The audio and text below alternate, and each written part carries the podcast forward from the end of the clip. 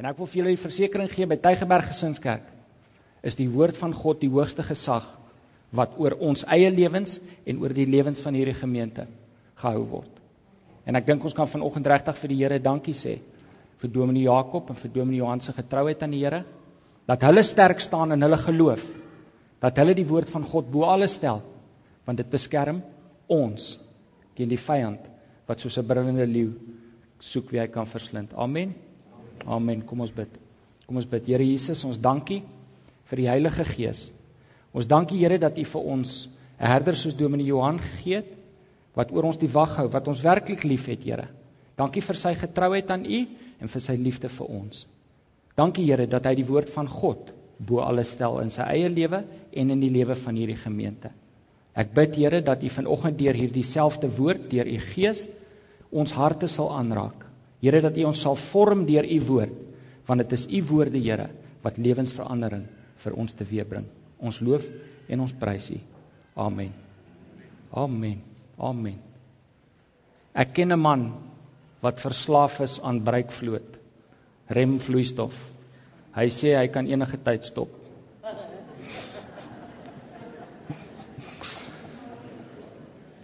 Dit is dit bietjie vroeg vir daai een. Hy kan enige tyd stop. OK. Vanoggend kyk ons en ons kry vanoggend 'n Bybelse beeld van selfbeheersing. Ons wil 'n Bybelse beeld van selfbeheersing kry. En vir die wat sien ek het 'n spelfout gemaak met selfbeheersing, byt vas. Byt vas. Daar's 'n rede vir daardie koppelteken en dis nie net omdat ek 'n koppelteken insit waar ek nie weet wat om anders te doen nie, okay? Wie hier is gered? Ek vra baie retoriese vrae. Vanoggend wil ek hande sien. Wie is gered? Wie sê Alex, ek het my hart vir die Here Jesus gegee. Ek is 'n kind van God en as ek vanaand eh, vandag dood sou gaan, sal ek hemel toe gaan. Daar sê, dankie. Die wat nie hulle hande opgesteek het nie, kom gryp my na die tyd asseblief. Ek gesels en bid graag saam met jou. Nou van almal van ons wat ons hande opgesteek het, wie is sondeloos? Wie sê Alex vanaf ek my hart vir die Here gegee het, is daar geen sonde in my lewe nie. Ek pleeg nie sonde nie. Enigiemand? Natuurlik nie. Natuurlik nie. Nie een van ons is sondeloos nie.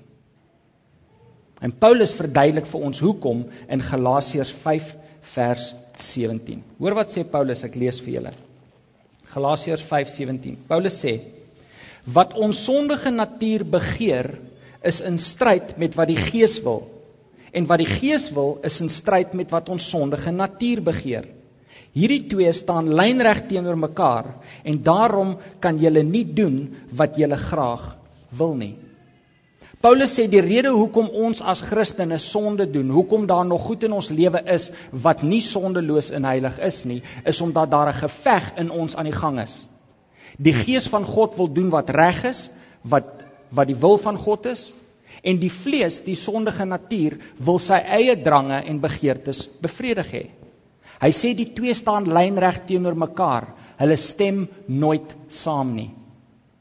Wat jou gees en wat jou vlees wil hê, gaan nooit dieselfde wees nie. Vrou het eendag na my toe gekom en gesê Alex bid vir my dat ek nooit weer sal sonde pleeg nie. Toe sê ek van vir dit sal ek moet bid dat jy doodgaan. Toe kyk sy my so half geskok aan. Toe verduidelik ek vir haar. Paulus sê hierdie is 'n geveg wat in elke Christen se lewe woed en hy sal nooit ophou woed nie sal nooit ophou woed nie. Ons sal altyd stry teen die vlees en die vlees se begeerte. Maar daar's een ding wat ek in my hart weet en dit is dat elke kind van die Here werklik heilig voor God wil lewe. Dis die diepste begeerte van elke Christen se hart. As jy kon kies, sou jy sê Alex, ek wil nooit weer 'n sonde pleeg nie. Amen. Sê amen. Amen. Dis die begeerte van elke Christen se hart. Filippense 2 vers 12 en 13 Paulus sê my geliefdes, julle was altyd gehoorsaam wanneer ek by julle was. Des te meer moet julle gehoorsaam wees nou dat ek nie daar is nie. Julle moet julle met eerbied en ontzag daarop toelê om as verloste mense te lewe. Want dit is God wat julle gewillig, hoor mooi, dit is God wat julle gewillig en bekwam maak om sy wil uit te voer. God maak jou gewillig om sy wil uit te voer. Die Here kom nie na ons toe en sê hoorie, Jesus stel reëls, doen die reëls nie en nou moet ons self sien kom klaar nie. Die Here gee vir ons die woord van God en dan kom woon hy in ons harte deur sy gees wat vir ons die begeerte gee om sy wil uit te voer. Is dit nie wonderlik nie? Ons lewe so deur genade dat selfs die begeerte wat ons het om God te volg word deur God aan ons gegee. Die gees van God gee vir ons die gewilligheid en hy maak ons bekwam om sy wil uit te voer. Jy kan God se wil vir jou lewe uitvoer. 1 Korintiërs 10:13 sê geen versoeking wat meer is as wat 'n mens kan weerstaan, het julle oorval nie. Geen versoeking wat meer is as wat 'n mens kan weerstaan, het julle oorval nie. God is getrou. Hy sal nie toelaat dat julle bo julle kragte versoek word nie. Jy word nooit bo jou kragte versoek nie. Die Bybel sê jy kan oorwinning hê teen versoeking. Jy kan oorwinning hê teen die sonde in jou lewe. Nou hoekom gebeur dit dan nie? As ons kan, hoekom gebeur dit nie? Daar is hierdie geveg in ons lewens en ons kan oorwinning hê. As jy vanoggend hier sit en sê Alex, ek het al opgegee teen daardie ding in my lewe. Ek kry nie oorwinning daaroor nie. Wil ek vanoggend vir jou sê, die woord van God sê jy kan wen. En ons gaan vanoggend sien hoe. Wie wil weet hoe om teen versoeking te wen? Amen. Ons gaan vanoggend sien hoe om teen versoeking te wen. Wat is die sleutel tot sukses teen versoekings in ons lewe? Blaai asseblief saam met my na 1 Korintiërs hoofstuk 9. 1 Korintiërs hoofstuk 9.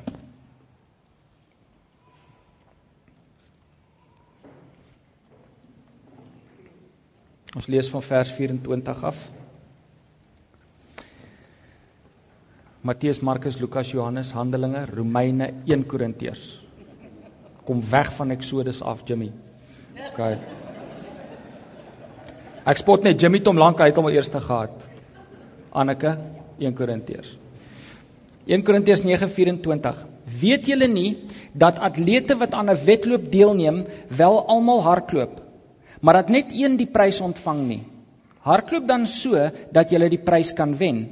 Almal wat aan 'n wedstryd deelneem, ontsê hulself allerlei dinge. Hulle doen dit om 'n verganklike oorwinnaarskroon te verkry, maar ons 'n onverganklike. Ek hardloop dan soos een wat nie van sy doel onseker is nie. Ek slaan soos 'n bokser wat nie in die lug slaan nie. Maar ek oefen my liggaam en bring dit onder beheer sodat ek nie ander tot die stryd oproep en self nie kwalifiseer nie. Ek stop nou net vir 'n oombliekie daar gou. Paulus sê 'n atleet in die wêreld hardloop op 'n sekere manier. Ons moet so hardloop. 'n Atleet ontsê homself sekere dinge, ons ontsê onsself sekere dinge. Die atleet hardloop vir 'n prys wat verganklik is. Hulle het mos 'n kroon gehad van laurierblare, nê, bay leaves wat hulle gewen het. Maar ons kroon, ons prys is onverganklik. Nou die een ding wat ek wil sê voor ek aangaan, is ons moenie noodwendig altyd, ons moet versigtig wees om te begin lees altyd aan die begin van 'n hoofstuk en klaar te ophou lees of te eindig aan die einde van 'n hoofstuk. Die Bybel was nie geskryf met hoofstuk en versnommers nie, hoor. Paulus het nie geskryf, "Right, hoofstuk 10, hier gaan ons nie." Hy het 'n brief geskryf. En 'n 1000 jaar daarna het 'n Franse monnik gekom en gesê, "Hoerie, ek sukkel te veel om goed te kry in die Bybel, ek gaan nommers gebruik." En hy het die vers en en hoofstuknommers ingesit bloot as 'n studiehulp. Die gedagte wat Paulus begin ontwikkel, eindig nie hier nie. Hy gaan aan. So ons gaan aan. Broers, ek wil julle daaraan herinner dat ons voorvaders almal onder die beskerming van die wolk was en almal veilig deur die see gegaan het. Omdat hulle almal vir Moses gevolg het, is hulle almal in die wolk en in die see gedoop. Almal het dieselfde geestelike voedsel geëet en almal het dieselfde geestelike drank gedrink. Hulle het gedrink uit 'n geestelike rots wat met hulle saamgegaan het. Die rots was Christus. Tog was God met die meeste van hulle nie tevrede nie, want hulle het in die woestyn omgekom.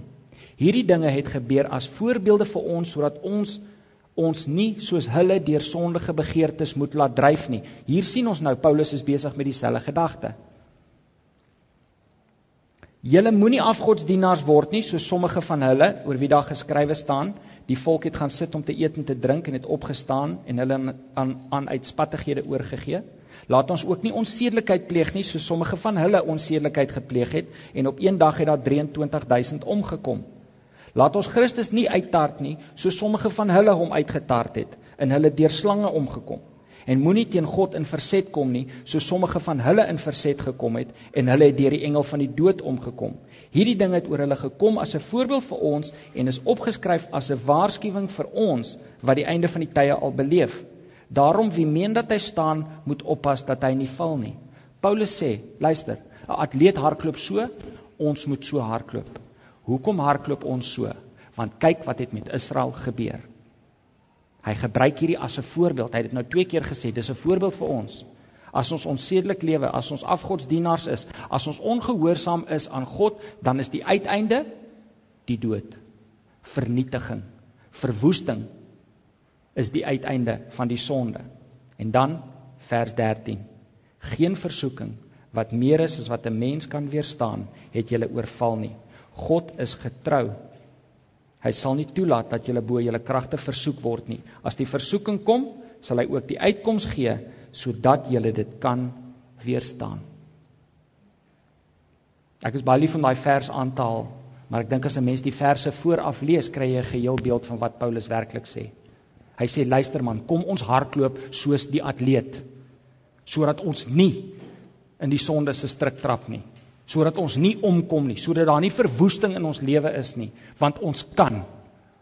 Ons kan. Die Here sal nie toelaat dat ons bo ons kragte versoek word nie. Ons kan sterk staan teen versoeking.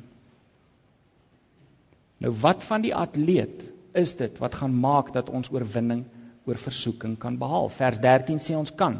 Wat is die sleutel tot hierdie sukses teen versoeking? Hoofstuk 9 vers 26. Ek hardloop dan soos een. Ekskuus. Ek hardloop dan soos een wat nie van sy doel onseker is nie. Die sleutel tot sukses teen versoeking is selfbeheersing. Ek onthou my van sekere dinge sê Paulus net soos 'n atleet doen. En die sleutel tot die sukses in selfbeheersing is om doelgerig te lewe. Ek hardloop soos een wat nie onseker van my doel is nie. Kan jy 'n wedloop sien waar niemand weet waar die eindstryd is nie? Hoe goed gaan hulle hardloop?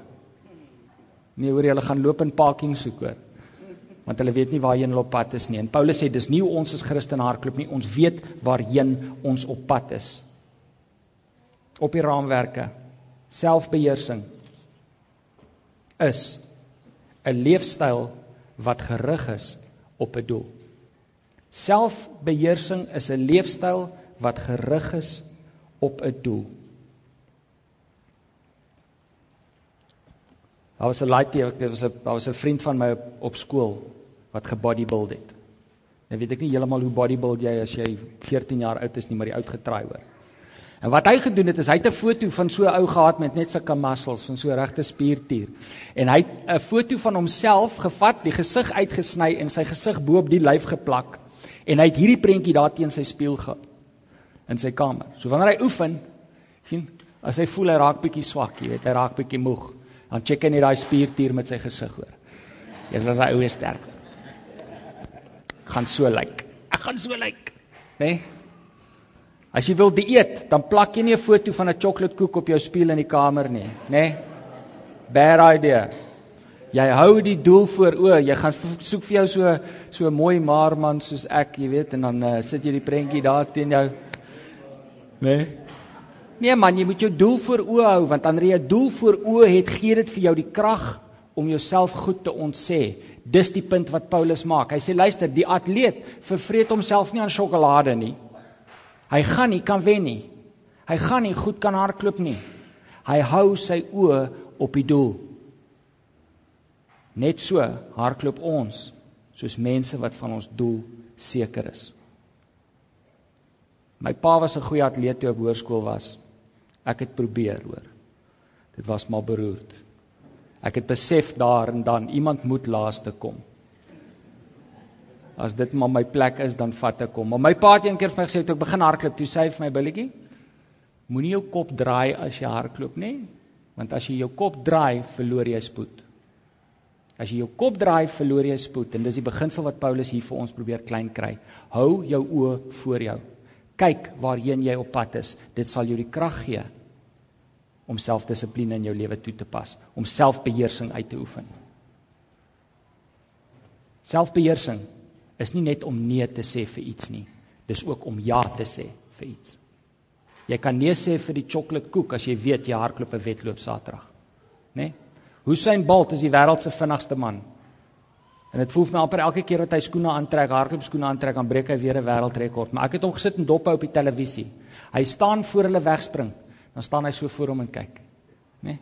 Hy kyk hier daar en sien wat gaan daar aan in die stands en né? Nee? Hy staan net so en hy kyk vir daai wenstreep. Dan sak hy en sy oë so stip voor hom. Hy hou sy oë op die doelwit. En dis hoe Paulus sê ons moet leef. Selfbeheersing is 'n leefstyl wat gerig is op 'n doel. Dis nie net daardie oomblik wat jy probeer nee sê. Ek gaan nee sê. Ek gaan nee sê. Ek sit in daai vergadering en ek kan dit sê en ek wil dit sê. Dit gaan so 'n lekker ding wees om te sê, maar ek gaan dit nie sê nie. Ek gaan dit nie sê nie en voor ek my kan kry dat ek dit gesê. Julle moet so heilig aankyk, dis nie net ek nie, ek weet. Né? Nee? Selfbeheersing is nie net daardie oomblikie wat ek sê nee nie. Dis 'n leefstyl wat die Here se weg vir my lewe kies. Nou wat is ons doel? Wat is ons doel? Ons doel kan nie verlossing wees nie. Wat ons het dit reeds. As jy jou hand opgesteek het, het jy reeds verlossing. Jy is gered. Dit kan nie ons doel wees waar ons op pad is nie. Jou doel kan nie die hemel wees nie, want jy het dit reeds. En jou doel kan nie die dood wees nie, hoor? Jy kan nie vooruit beer na die dood toe nie. Ek belowe jou dit gaan van self kom. You feel to worry. OK? So wat is die doel? Wat is die doel vir ons as Christene? 1 Tessalonisense 4 vers 7 sê God het ons nie geroep om onsedelik te lewe nie, maar om heilig te lewe. Die doel van 'n Christelike lewe is om heilig voor God te lewe. Om 'n afgesonderde lewe te lei, om 'n lewe te lei wat nie lyk soos die wêreld nie om 'n lewe te lei wat die lig van Christus skyn. Want wanneer ek heilig lewe, wanneer ek reguit pad saam met God stap, dan straal ek Jesus natuurlik uit. En Jesus is aantreklik vir sondaars. As ek vir hulle 'n akkurate beeld van Jesus wys, sal hulle tot redding kom maar ek kan nie 'n onheilige lewe lei. Ek kan nie 'n lewe lei op my eie manier soos ek wil en dink dat wanneer ek dan vir iemand sê, "Hey, ken jy die Here?" dat ek 'n goeie resultaat sal kry nie. Ons moet heilig lewe, dan sal hulle glo wat by ons mond uitkom wanneer ons met hulle praat. Die doel van 'n Christelike lewe is heiligheid. Nou goed, hoe ontwikkel ek dit? Hoe ontwikkel ek heiligheid? Want ek kan nie weet 'n foto van heiligheid daar op my spieeltjie plak nie. So hoe ontwikkel ek heiligheid in my lewe? Hoe ontwikkel ek selfbeheersing? Hoe maak ek seker dat ek nee sê vir die versoeking? Op die raamwerke nommer 1. Kyk hoe klein jy kan skryf. Ek moet besef dat alle sonde tot die dood lei. Nommer 1. Ek moet besef dat alle sonde tot die dood lei. Romeine 6 vers 23 sê die loon wat die sonde gee is die dood. Die loon wat die sonde gee is die dood. Paulus sê ek hardloop soos 'n atleet en dan sê hy want kyk wat het met Israel gebeur. Wat het met hulle gebeur? Die dood, verwoesting en vernietiging. Ek moet besef dat elke sonde in my lewe vernietiging en verwoesting as einddoel het. Daar is geen sonde in jou lewe wat vir jou 'n mooi betaling gaan gee nie. En tog is dit presies wat die duiwel ons van probeer oortuig. Wat het hy vir Eva gesê? Eva, hier's 'n vrug, lyk lekker, kry vir jou. Toe sê sy nee, ons mag nie. Ons mag nie eens daaraan raak nie. Toe sê die duiwel vir haar, "Aa, ah, God sê dit vir jou want hy weet as jy dit eet, gaan jy slim wees." Jy gaan wysheid hê. Jy gaan net soos hy wees. Die duiwel sê vir haar, luister, hierdie sonde gaan 'n goeie resultaat in jou lewe teweebring. Jy mis uit as jy nie hieraan deelneem nie. En dis presies dieselfde leuen wat hy vir ons probeer vertel. As jy nie dobbel nie, dan mis jy uit op 'n geleentheid om finansiëel vooruit te kom. As jy nie aanhou met daai buiteegtelike flirtasietjie van jou nie, dan mis jy dalk uit op die geleentheid om ware liefde en intimiteit te ontdek. As jy nie jou hand in daai til sit, as jy nie verneek op jou belastingvorm nie, dan mis jy uit op 'n geleentheid dit nie wat hy ons van probeer vertel nie? Doen hierdie ding, dit gaan met jou beter gaan as jy doen. Dit gaan vir jou lekker wees, dit gaan vir jou goed wees. Dit is 'n infame leuen. Daar's nie wit leentjies nie by the way, hoor? OK? Daar is nie 'n wit leentjie nie. Hulle is almal leuns en hulle is pikgiet swart. Geen leuen, geen sonde in ons lewe het 'n goeie resultaat nie. Daar's net een resultaat. En dis die dood. En ons moet dit besef. Dit sal vir ons die motivering en die krag gee om nee te sê vir die versoekings van die duiwel. Maar die duiwel is reg oor een ding en dit is dat as jy nee sê vir die sonde, gaan jy uitmis. Jy gaan. Jy gaan uitmis op 'n gebroke huwelik. Jy gaan uitmis op 'n gebroke selfbeeld. Jy gaan uitmis op 'n gebroke finansiële situasie. Jy gaan uitmis op gebroke kinders. En op daardie dinge kan ons maar uitmis. Amen. Amen. Kom ons mis uit op hierdie dinge. Alle alle sonde lei tot die dood. Nommer 2 Ek moet standpunt inneem voordat ek versoek word. Jesus, ek het langsinne vanoggend. Kyk, toe ek hierdie geskryf het, het ek 'n woordeboek ingesluk daai oggend hoor. Ek moet standpunt inneem voordat ek versoek word. Ek moet 'n beginsel besluit in my lewe maak nou. Job 31 Job 31. Job gee half sy verweer teenoor die Here. Hy sê: "Here, hier is die redes hoekom ek dink dit is onregverdig wat met my gebeur." Hy noem sy sy goeie punte op as jy wil. En in vers 1 van hoofstuk 31 sê Job: "Ek het my plegtig verbind om nie na 'n meisie te kyk en haar te begeer nie." Ek het my plegtig verbind om nie na 'n meisie te kyk en haar te begeer nie. Daar is nie 'n besluit wat Job gemaak het toe die meisie daar was nie. Die Hebreëus sê ek het 'n verbond met myself gesluit. Dis sterk woorde. Hy het 'n eed met homself afgelê. Hy het gesê ek sal nie daai sonde doen nie. Ek sal vas staan. Ons mag nie mense wees wat sê, weet jy, ek ek smak ons maar kyk hoe gaan dit wanneer die versoeking daar is, jy weet? En hier in die geheim hoop jy eintlik die versoeking kom dat jy kan sien of jy kan sterk staan, né? Gaan arm druk teen die duiwel. Nee, Ek kan nie wag tot die versoeking daar is.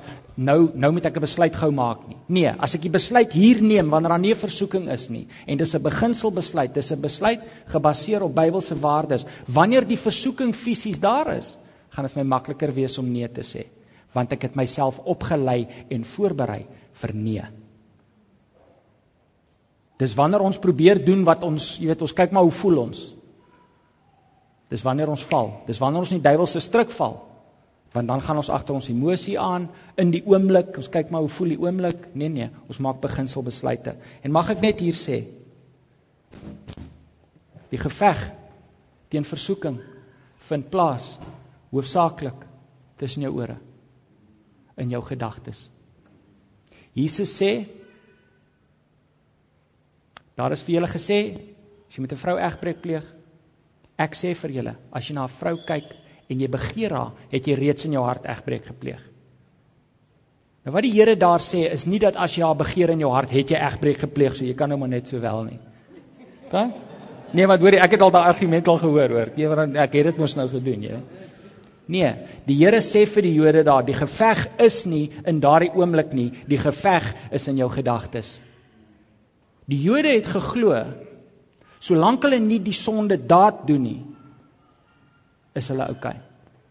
Die fantasie maak niemand seer nie. En Jesus kom en sê, "Aa, uh -uh, dis juis waar die geveg is. Dis juis waar jy oorwinning moet behaal." Mense, ons kan nie onsself besig hou met sondige gedagtes en fantasieë en dink dit gaan vir ons maklik wees om nee te sê wanneer dit fisies daar is nie. Ons moet onsself oplei. Paulus sê in Korintiërs 2 Korintiërs 10 vers 5 Is dit op die raamwerk? Nee, skryf dit op jou raamwerk. 2 Korintiërs 10 vers 5. Hy sê ons neem elke gedagte gevange om dit aan Christus gehoorsaam te maak. Ek neem my gedagtes gevange. Ek bind hulle vas. As ek my kry dat my gedagtes in daai rigting gaan, dan bring ek hulle terug. OK. Ons gaan nie daartoe nie. Ons gaan nie eers daaroor dink nie, ons gaan nie daaroor fantaseer nie, ons gaan nie speel met die sondige gedagte nie. want ons wil heilig lewe voor die Here. Jy weet Hussein Bolt net daar nie in die wegspringblokke hou hy sy oë so voor hom. As hy slegs voor hom kyk en daai wenpaal sien vir daai 9 sekondes, beloof ek julle sal hy nie weer 'n wedloop in sy lewe wen nie. Weet julle wanneer sien hy daai wedloop, uh, daai wenpaal? Elke oomblik van sy lewe. As hy in die oggend moet opstaan 5 uur in die winter om te gaan oefen en hy's nie lus nie, dan sien hy die wenpaal. Dit motiveer hom, dit gee hom krag. Wanneer hulle voor hom jy weet 'n bak lekker goed sit, dan sien hy die wenpaal. Dit motiveer hom. Wanneer sy vriende vir hom sê, "Hey, hoorie, kom ons gaan doen hierdie ding Vrydag aand." Dan sê hy nee, want hy sien die wenpaal. Net so moet ons ons gedagtes oplei sodat wanneer daai oomblik kom, kan ons nee sê. En as jy in daai oomblik nee sê, gaan dit maklik wees. Want dis net wat jy die hele tyd nog gesê het in jou gedagtes. Verstaan ons die beginsel? Ons moet eet met onsself aflê en sê ek gaan nie eers met die gedagte van sonde speel nie. Ek moet 'n besluit maak. Ek maak nie 'n kompromie met die duiwel nie. Nie eens in my gedagtes nie. Nommer 3. Derde manier hoe ek in my lewe selfbeheersing ontwikkel. Ek bly in die woord. Ek bly in die woord. Die woord van God is die bron van die vrug van die gees. Selfbeheersing is een van die vrug, né? Die woord van God is die bron van die vrug van die gees. As daar geen saad van die woord in jou lewe is nie, gaan jy sukkel om vrug van selfbeheersing te dra. Jy gaan dit altyd in jou vlees moet probeer regkry. En dis wanneer daai tande kners, vuiste bal oomblikke kom. Ek weet dit gebeur nie met julle nie. Ek preek maar net vir myself, hoor. In daai oomblik wat jy daar probeer, hè, het jy nodig om die woord van God in jou hart te hê. As daar geen saad van die woord in jou lewe is nie, sal jy sukkel om die vrug van selfbeheersing te dra. Ons gedagtes word ons aksies. Ons aksies word ons gewoontes en ons gewoontes vorm ons karakter. Ons gedagtes word ons aksies. Ons aksies word ons gewoontes en ons gewoontes vorm ons karakter. Sukkel jy met gewoontesonde? Vat 'n tree terug. Dit begin met jou aksies. Vat nog 'n tree terug. Die slagveld is jou gedagtes. Ons moet ons gedagtes voor die Here bring en hoe ons dit doen is deur die woord van God. Mense, as ek my hart vol maak van die woord van die Here, is daar nie plek vir hierdie gedagtes nie. Daar is nêrens vir die duiwel om sy saad te plant nie, want my hart is vol van die woord van God.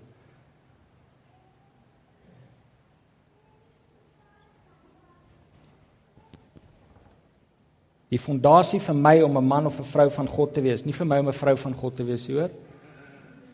Die fondasie vir my om 'n man of 'n vrou van God te wees is in my gedagtes en dit is die woord van God wat my gedagtes moet vul want dit gee vir my die bonatuurlike weerstand teen sonde, teen versoeking.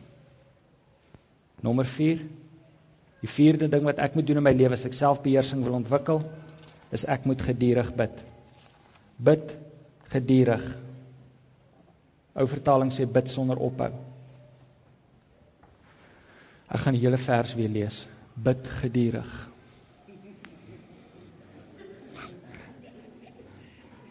Dis ek ek ken die Bybel nie. Bid gedurig. Bid gedurig, bid sonder ophou. Ons moet in kontak bly met die Here. Nou dit beteken natuurlik nie jy loop met jou oë toe en alles vas nie, okay?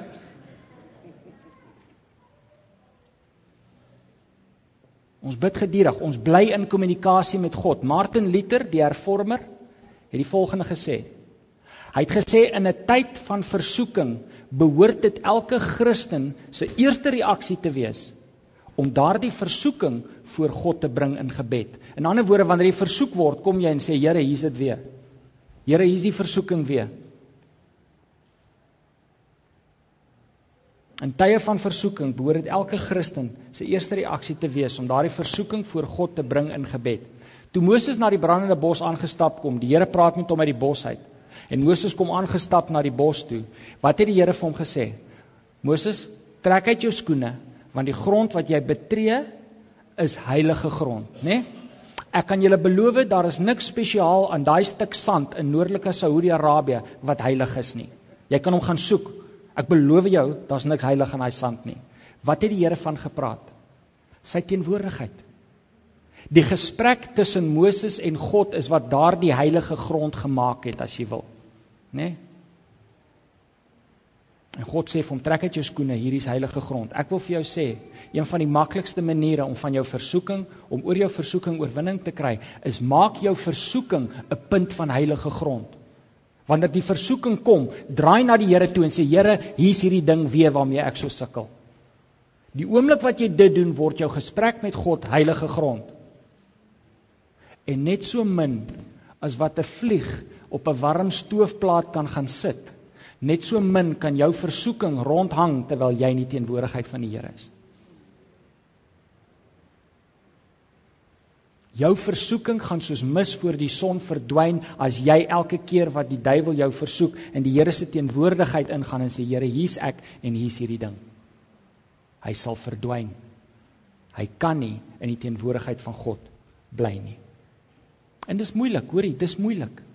Dis moeilik as daai versoeking daar is.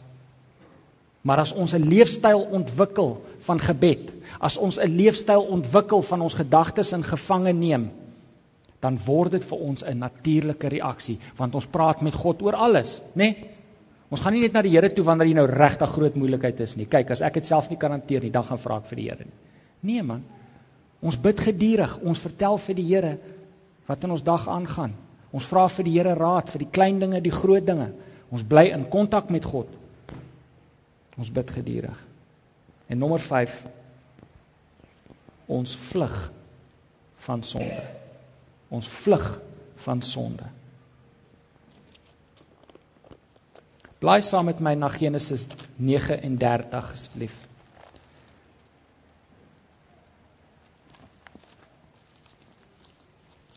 Dis net een boek terug, Jimmy. Genesis 39.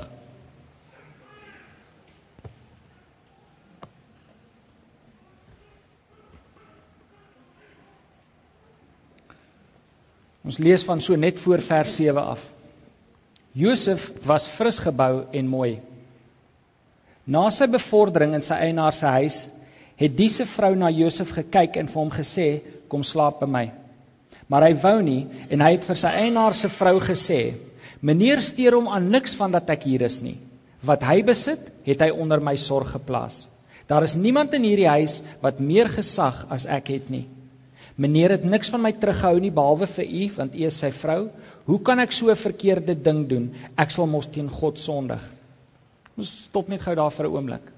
Kan julle sien dat dit 'n goed deurdinkte argument is? Josef was nie 'n man wat gelewe het met 'n kom ons kyk hoe voel ons wanneer die oomblik daar is nie. Hy het ook 'n beginsel besluit in sy lewe gemaak. Ek gaan nie hierdie sonde doen nie en hierdie is hoekom. Dis sonde teen God en en en. Hy het 'n argument, 'n deurdinkte, 'n gedeurdagte argument. Dis wat s'e regte Afrikaans doen nie. Deurdagte argument, weet jy ook nie. OK. Hy het 'n goed deurdinkte argument gehad reeds. Hy was 'n man wat ook 'n eed met homself afgelê het. Hy sal nie daai sonde pleeg nie. Ons ons lees aan. Vers 10. Sy dag vir dag by Josef aangehou, maar hy het bly weier om by haar te gaan slaap. Op 'n dag toe Josef in die huis ingaan om sy werk te doen, was daar niemand van die ander slawe in die huis nie. Toe gryp Potifar se vrou hom aan sy klere en sê: "Kom lê by my." Maar Josef het buitentoe gevlug terwyl sy 'n stuk van sy klere in haar hand bly vashou het. Om goddelike selfbeheersing te ontwikkel, moet ek my weghou van sonde af waar ek kan. Selfbeheersing is nie net om in daardie oomblik daar te staan en te sê nee, ek wil nie. Dis 'n leefstyl wat sê daar's die sonde, so ek gaan hiernatoe. Hier's die versoeking, so ek gaan hiernatoe. Hierdie ding maak my sonde pleeg, so ek los hom. Ek gaan hiernatoe. Dis 'n leefstyl keuse. Paulus het vir Timoteus gesê: "Vlug die begeerlikhede van die jonkheid." Timoteus, daai dinge waarmee julle jong mense sukkel, hardloop weg. Moenie rondhang en arm druk met die duiwel nie. Moenie rondhang en arm druk met jou vlees nie. Vlug. Vlug. Jy weet as jy 'n probleem het met dobbel, moet nou nie by die Spur by die casino gaan eet nie. Eet nou maar by die een in Durban wil, hoor? Nee, jy weet ek meen as jou internetverbinding jou laat sonde pleeg, sny die ding af man, stuur 'n brief. Ek's ernstig, mense, ons moet die dinge wat sonde fasiliteer in ons lewe moet ons afsny en uitsny. Jy weet as daai as daai wêreldse vriende van jou sê hoor die Vrydag aand gaan ons dit doen. Moenie dink ja wel ek gaan saam gaan en nee sê nie. Bly weg. Bly weg. Ons het 'n doel as Christene. Ons het 'n doel voor oë. Kom uit die situasie wat die versoeking fasiliteer. Want om te vlug in 'n tyd van versoeking is ook deel van goddelike selfbeheersing. Dis 'n leefstyl. Dis 'n leefstyl. Ek kan nie 'n leefstyl handhaaf waar ek met die sonde speel in my gedagtes, waar ek uithang in plekke waar my sonde gefasiliteer word, maar klaar dat ek nie nee kan sê wanneer die versoeking nou my kant toe kom nie. My ouma het altyd gesê vir my die plek waar die pla val. En my pa het vir my gesê as jy wil op die duiwelse grondgebied speel, gaan hy vir jou piets. As jy op die duiwelse grondgebied speel, gaan hy vir jou piets. En die loon van daai sonde is die dood, dis verwoesting, dis vernietiging, dis pyn, dis hartseer. As ons na al vyf hierdie punte kyk, dan sien ons hoe om selfbeheersing te ontwikkel. Ons sien dat selfbeheersing nie 'n passiewe tande geknars is nie. Dis 'n aktiewe keuse om die wil van God in my lewe te doen. Bybelse selfbeheersing is nie selfbeheersing nie. Dis geesbeheersing. Ek bly in die woord. Dit reinig my gedagtes. Ek bid gedurig. Dit hou my in die teenwoordigheid van God. Ek neem beginselbesluite in my lewe gebaseer op Bybelse waardes. Ek besef dat alle sonde my skade aandoen en ek vermy die plek waar die pla val. Ek het vir julle Galasiërs 5:17 gelees. Ek lees vir julle vers 16 en 17 saam. Laat julle lewe steeds deur die gees van God beheers word, dan sal julle nooit soog voor begeertes van julle sondige natuur nie. Dit is 'n belofte uit die woord van God. Laat julle lewe steeds deur die gees van God beheers word, dan sal julle nooit soog voor die begeertes van julle sondige natuur nie. Wat die sondige natuur begeer, is in stryd met die gees, en wat die gees wil, is in stryd met die sondige natuur. Hierdie twee staan lynreg teenoor mekaar. Ons moet ons deur die gees van die Here laat beheer. Ek moet 'n lewe van oorgawe leef aan die Here. Dan sal ek nee kan sê dit sal die natuurlike ding vir my wees om te doen. Amen. Kom ons sluit die oë. Here Jesus, ons wil vanoggend bely dat ons wel geval het in die verlede. Here dat ons soms sukkel teen die begeertes van die vlees, teen die versoekinge van die vyand. Maar vanoggend Here wil ons onsself voor U bring. En ons wil vra Here leer ons. Leer ons hoe om noulik saam met U te stap. Leer ons Here hoe om ons lewe deur die Gees te laat beheer sodat ons nie teen U sal sondig nie. Here ons dankie vir U liefde en genade. Ons dankie Here dat U self in ons kom woon deur die Gees vir ons die krag gee om die versoeking te weerstaan. Ons bely U as Heer. Ons bely U as Heer. En ons loof U naam. Amen. Amen. Kom ons staan. Kom ons staan en loof die Here.